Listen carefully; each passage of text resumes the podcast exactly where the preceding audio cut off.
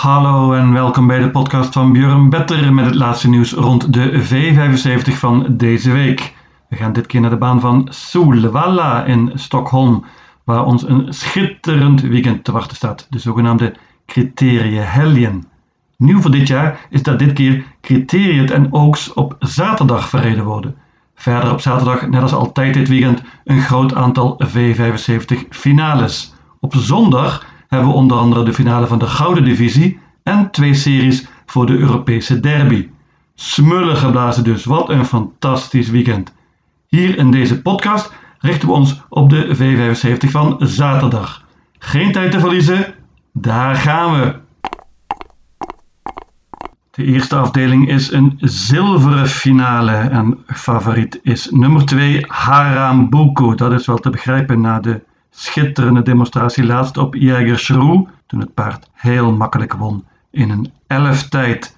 Jägersro is niet toevallig de baan waar Harambuku het best is, is een thuisbaan. En als hij moet reizen, is hij toch altijd iets kwetsbaarder. Hij heeft schitterend gelood hier, maar ik durf hem niet te banken en ik neem er nog een paar paarden bij, want tegenstand is er genoeg. Wat te denken bijvoorbeeld van nummer 1, Heading Reference. Die was goed laatst van kop af, maar de lange afstand was een licht nadeel. Korte afstand nu is een voordeel dus. En het paard gaat bovendien zonder ijzers. Heading reference is een waarschuwingje waard. Nummer 3, Sir Henry P. Hill, heeft twee verrassende zegens op rij met Ricard en Schoolen. Die rijdt nu weer. Mooi nummer, meenemen. Nummer 4, Coogan, werd twee keer op rij verslagen door Sir Henry P. Hill, twee keer tweede dus. Per Lennartson zit opnieuw op de sulky net als laatst en ik durf het paard niet weg te laten. Pas op voor nummer 5, Macelleria, Robert Barry. Paard sprong laatst, maar kwam schitterend terug en liet enorme speed zien. Macelleria is in topvorm en mocht het tempo hoger worden, dan uh, kan zij absoluut voor een verrassing zorgen. Mijn bom van de week. Ten slotte nummer 9, Sabdi Girifalco. Ja, die hoef ik bijna niet meer in te leiden. Dat paard heeft al heel veel gewonnen in de V75 dit jaar. Wordt getraind door Björn Goep, maar dit keer gereden door Stefan Persson. En waarom? Björn Goep is geschorst. Ik laat het bij deze zes paarden 1, 2, 3, 4, 5 en 9. De tweede afdeling is een finale voor de laagste klasse en het niveau is verrassend laag. Uh, geen echte toppers zie ik hierin staan die uh, we bijvoorbeeld later nog zullen zien in hogere divisies. Maar ja, eentje moet er winnen. Wie zal het zijn? Licht favoriet en wel heel licht favoriet met 18% is nummer 3 Upper Face. Die won laatst verrassend. En Adrian Colgini denkt dat zijn paard nu nog beter is. Gaat dit keer zonder ijzers en bovendien met trekproppen. Upper Face kan absoluut winnen. Snel van start is nummer 4 Bansky.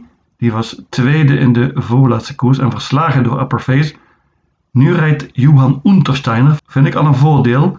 Bansky was laatst heel goed in Finland, liep toen een 11 tijd. Daar moet je je niet al te veel van aantrekken, want de baan van Mikkeli is super super snel. Maar Bansky moet er wel bij. Nummer 6 Oracle Tile heeft dit jaar al 6 keer gewonnen, maar uitgerekend in de laatste twee koersen heeft hij verloren en de vorm van Oracle Tile is een vraagtekentje. Het paard werkt goed volgens de trainer en Oracle Tile kan absoluut winnen.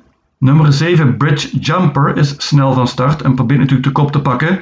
Maar zoals ik al zei, Bansky is heel snel. Daniel Ulsson zal er toch alles aan doen. Mocht hij de leiding nemen, dan kan hij zeker weer winnen, net als laatst in de V75. Het beste paard heb ik nog niet genoemd, dat is nummer 8, Uncle Tull. Die was laatst misschien niet op zijn aller allerbest, maar liep toen met ijzers, nu zonder ijzers dus, plus een bike. Uncle Tull heeft heel slecht gelood, maar nogmaals, ik vind hem het beste paard in deze koers en hij moet er zeker ook bij. Nummer 9 Shapes wordt gereden door Stefan Persson dit keer. Paard gaat met een bike uh, en hoopt natuurlijk op hoog tempo, net als nummer 10 Awesome Kronos, die misschien wel het best van kop af is. En dus wat geluk nodig heeft met dit nummer, maar ik durf hem niet helemaal uit te vlakken. Nogmaals, dit is niet een super super sterk veld en de combinatie Erik Adelsson, Zwanteboot verdient altijd respect. Zeven paarden neem ik in totaal mee maar ik voel me nog niet helemaal veilig. De derde afdeling is een merriekoers en hier komen we veel merries tegen die we al vele malen gezien hebben deze zomer in Zweden. Eentje die we meteen herkennen is natuurlijk nummer 7, Lipstick Toma. Paard van Daniel Redeen. En bij die trainer is het paard enorm verbeterd. Heeft nu vijf overwinningen op rij en lijkt wel steeds beter te worden. Het paard heeft heel veel moeten reizen in augustus en heeft daarna even wat mogen uitrusten. En nu op de thuisbaan, en dat vind ik een groot voordeel voor deze lipstick toe. Maar Johan Untersteiner zit dit keer op de sulky en dat is een prima, prima piqueur. Lipstick Toom is vrij groot favoriet, maar dat vind ik terecht. Ik denk dat ze een topkans heeft en ik bank. Er zijn een paar leuke uitdagers in, onder andere nummer 4, Lewis. Die verraste laatst, pakte de kop en uh, won vrij gemakkelijk in een 14 tijd met bandenstart. Prima prestatie en Loes kan ook hier weer de kop pakken. Loes heeft vier keer in de leiding gelopen en vier keer gewonnen. Pas op voor nummer 11 Dada Bibo, Peter Untersteiner. Springspoor hier en ze komen dus een topstart krijgen. Peter Untersteiner is heel goed met het springspoor. En met een perfecte start kan Dada Bibo misschien zelfs na een tijdje de kop overnemen. In dat geval is ze gevaarlijk. Laatst spurte ze heel erg goed. En natuurlijk moet ik ook nog nummer 14 noemen, Unique Uni. Die was fenomenaal. Twee weken geleden op Haagmuren. Verpletterde toen iedereen. Had een handicap, dubbele handicap zelfs. Maar dat maakte allemaal niks uit. Unique Uni won heel gemakkelijk. Ik denk toch dat ze het pittig gaat krijgen hier tegen Lipstick Toema met 20 meter achterstand. Maar ze is een uitdager en moet erbij als men Lipstick Toema niet bankt. Maar dat doe ik dus wel. Afdeling 3, banker nummer 7, Lipstick Toema. Ja, en dan in de vierde afdeling de finale van Oaks. Driejarige Marys. Voor de eerste keer dus op zaterdag. Op voorhand belooft dit een duel te worden tussen nummer 3 Hoboken Am en nummer 4 Barbaro Kronos. Hoboken Am heeft nog niet verloren, vijf overwinningen op rij. Gaat bovendien zonder ijzers dit keer in de finale. Heeft ook iets beter gelood dan Barbaro Kronos en dat kan de doorslag geven. Maar ik geloof veel in Barbaro Kronos. Ik vond dat ze er werkelijk fantastisch goed uitzag in de serie. Won heel gemakkelijk en Svante Boot had al van tevoren aangekondigd dat het paard in de finale nog beter zal zijn. Nou, dat belooft wat. Ook Erik Adielson, heb ik een interview mee gehoord, is erg optimistisch. Ik geloof veel in Barbara Kronos en ik ga banken. Er staan anders genoeg uitdagers in hoor. Nummer 2 bijvoorbeeld Beauty Kronos. Daniel Redeen, Urjan Schielström. Paard gaat dit keer met een bike en zonder ijzers. Pas op dus voor deze Beauty Kronos die in de serie nog heel verrassend won. Mooi nummer. Nummer 1 Eagle Eye Sherry is snel van start, pakt ook de kop in de serie en won makkelijk. Stefan Persson zit dit keer op de sulky. Nummer 7 Chablis Rib is heel snel van start. En het zou me niks verbazen als Lijf Wiet als de kop kan pakken, ondanks dit lastige nummer 7. Chablis Rib is een gelouterd paard dat al in een aantal E3-finales heeft gelopen. Maar ik ga dus een gokje wagen en bank nummer 4 Barbro Kronos. De vijfde afdeling is een klas 1 finale, mooi deelnemersveld. Favoriet, licht favoriet, is nummer 2 Mozes. 28%, ik had veel meer verwacht. En misschien komt dat wel omdat dit keer niet Urjan Schielström rijdt, maar Per Linderoet. Per Linderoet is een prima piqueur hoor. Prachtig nummer bovendien en Mozes kan snel vertrekken. Pakt Mozes de kop, wordt het niet eens spannend hier. Maar ik denk zelfs dat Mozes ook met een ander koersverloop dit kan winnen. Ik geloof heel veel in hem.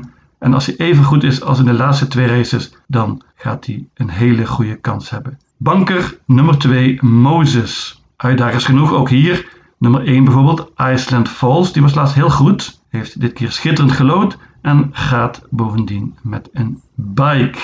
Nummer 3, Manuzio Hannover, was indrukwekkend in de voorlaatste koers. Won toen in het dode spoor. Dit keer gaat het paard met een bike en zonder ijzers. Pas op dus voor Manuzio Hannover. 4 Viscount is ook een prima paardje, heeft ook al gewonnen in de V75 deze zomer. Ook hij gaat met een bike en zonder ijzers is ook nog eens snel van start. Ten slotte noem ik nog nummer 12, Exclusive Matter. Dat is een prima paardje en met een beter nummer had ik hem ook zeker erbij genomen, maar nu wordt het heel heel lastig. Afdeling 5 banker, nummer 2, Moses.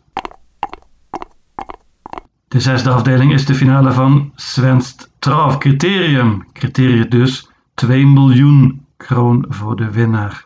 Een verrassend deelnemersveld moet ik zeggen. Veel grote favorieten vooraf faalden. En dus uh, zien we een paar onbekendere paarden hierin staan. En ik geloof ook dat het wel eens zou kunnen betekenen dat hier een grote verrassing kan vallen. Ik neem maar liefst 9 paarden mee en ik geloof werkelijk dat ze alle 9 een kans hebben om dit te winnen. Favoriet en terecht is nummer 2, Sans Moteur. Björn Goep traint, maar Per Lennartson rijdt. Sans Moteur heeft het prima gedaan tot nu toe, heeft nog niet verloren, 5 overwinningen op rij. Paard gaat bovendien zonder achterijzers dit keer en heeft dus schitterend gelood met deze nummer 2. Samateur is de terechte favoriet, maar zeker geen banker voor mij. Head Run, Robert Badie. Robert Badie won eerder al dit jaar de derby, ook met dit nummer 1. Hail Mary won toen. Met Head Run wil hij natuurlijk hetzelfde gaan proberen. Is ook snel van start, deze Head Run. En Robert Badie gaat vol voor de kop. Nummer 3, Brambling, Daniel Redé en Urjan Schielström. Brambling was heel goed in de serie, won toen in het dode spoor. En Daniel Redeen zegt dat het paard nu nog beter zal zijn. Nou, dat zegt wel iets. Brambling moet er absoluut bij. Earnest Prins, per Noordström. Heel snel paard, wint ook vaak 6 van de 8 dit jaar. Earnest Prins is in topvorm, won laatst van achter, maar is nog beter misschien van kop af en gaat vol voor de leiding. Snel paardje. Nummer 6, Twix Honor. Erik Adielson waarschuwt voor zijn paard. Erik vond het paard heel goed in de serie en dit keer gaat het bovendien nog met een bike. Zwante Boot weet hoe je paarden moet voorbereiden voor een grote koers. Daniel Redeen heeft er nog een paard in staan, namelijk nummer 7 Beacon Cronus. Per Linderoet rijdt dit keer. Beacon Cronus was prima in de serie, werd toen tweede en, en was maar net verslagen. Gaat dit keer met een bike en zonder ijzers. Pas op voor Beacon Cronus, een grote, grote outsider. Dan een bekender paard, nummer 8, Hell Band for Am. Die maakte onder andere enorme indruk in het Elite Lop weekend. Iedereen verwachtte ook dat hij de grote favoriet zou worden voor het criterium, maar het paard verloor in de serie en moet dus met een slecht nummer starten hier. Gaat met een bike en zonder ijzers dit keer. Steven Melander haalt alles uit de kast. Hellbent voor Am is misschien niet even goed als die in mei was, maar ik durf hem absoluut niet weg te laten. Het paard dat Hellbent voor Am versloeg was nummer 9, Henry Flyer Sisu. En mijn hemel, wat liet dat paard een enorme speed zien. Henry Flyer Sisu was voor mij een totaal onbekend paard daarvoor, maar uh, hij liet werkelijk zien hoe snel die is. Henry Flyer is mijn idee in deze koers. Ik denk dat het tempo hoog gaat worden en daar kan het paard wel eens van profiteren. Hij heeft, zoals gezegd, enorme speed laten zien in de serie. Ten slotte nog een waarschuwing voor nummer 10, Manny Muscle. Die was heel goed in de serie, werd toen tweede. Uh, Ulf Oelson rijdt dit keer en uh, Rayo Liliendaal waarschuwt voor zijn paard. Manny Muscle is zeker niet veel slechter dan de andere in deze serie. Hele open editie dus van Criteriet en ik neem 9 paarden. Mijn waarschuwing is nummer 9, Henry Flyer Sisu.